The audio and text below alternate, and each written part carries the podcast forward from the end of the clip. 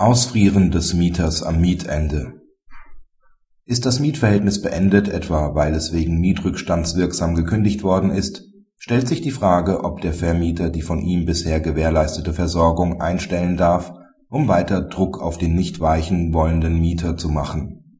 Entgegen der bisher herrschenden Ansicht ist dies nach Meinung des BGH möglich der im vorliegend zum BGH gelangten Verfahren auf Unterlassung in Anspruch genommene Vermieter und Beklagte hat den mit dem Kläger über eine Gaststätte bestehenden Mietvertrag gekündigt, weil unter anderem die Mieten von acht Monaten nicht entrichtet worden sind.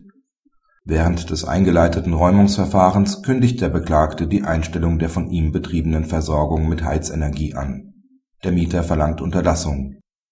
Mit diesem Verlangen scheitert er vor dem BGH ebenso wie bereits im Instanzenzug dem Mieter steht zwar Schutz gegen verbotene Eigenmacht zu, der auch dann noch besteht, wenn das Mietverhältnis durch eine Kündigung beendet worden und der Mieter folglich zur Räumung verpflichtet ist. Entgegen der Ansicht des überwiegenden Teils von Rechtsprechung und Literatur wertet der BGH die Versorgungseinstellung aber nicht als solchen Eingriff. Denn der Besitz bzw. das Besitzrecht verleiht kein Recht auf eine fortgesetzte Belieferung mit Versorgungsgütern nur in Ausnahmefällen kann sich eine Lieferpflicht auch bei einem beendeten Mietverhältnis ergeben, Voraussetzung ist aber immer, dass der Leistung des Vermieters auch die Gegenleistung Bezahlung folgt. Praxishinweis Die zutreffende Entscheidung beseitigt ein erhebliches wirtschaftliches Problem in der Vermietungspraxis. Der ohnehin nicht zahlende klamme Mieter lebt und wirtschaftet auf Kosten des Vermieters in den Mieträumen weiter die bisher herrschende Meinung hatte dies mit Blick auf den Besitzschutz des BGB gebilligt. Je nach Dauer des Räumungsverfahrens konnten dadurch weitere nicht unerhebliche Schäden entstehen.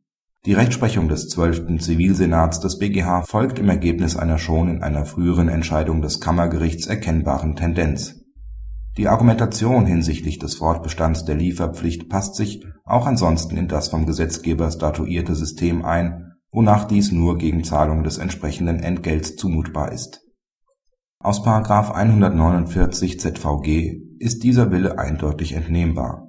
Der Schuldner ist für die Versorgungsleistungen auch bei einer unentgeltlichen Überlassung der Wohnung zahlungspflichtig.